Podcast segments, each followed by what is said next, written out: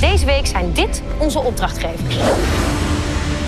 Voor België zijn dat presentatrice Dina Tersago en schrijver Herman Brusselmans. De opdracht van Herman is een eitje. Katja moet een ei oprapen en in een eierdopje leggen. Maar wel met een grote gevaarlijke graafmachine.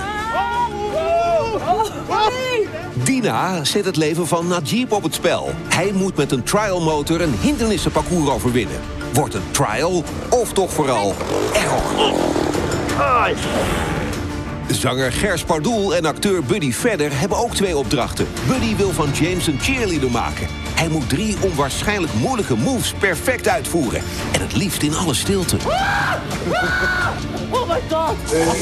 Gert moet veel en overal studeren. Want hij moet van Gers alle Belgische en Nederlandse inzendingen... van het Eurovisie Songfestival kunnen herkennen... en er vijf feiten over opsommen.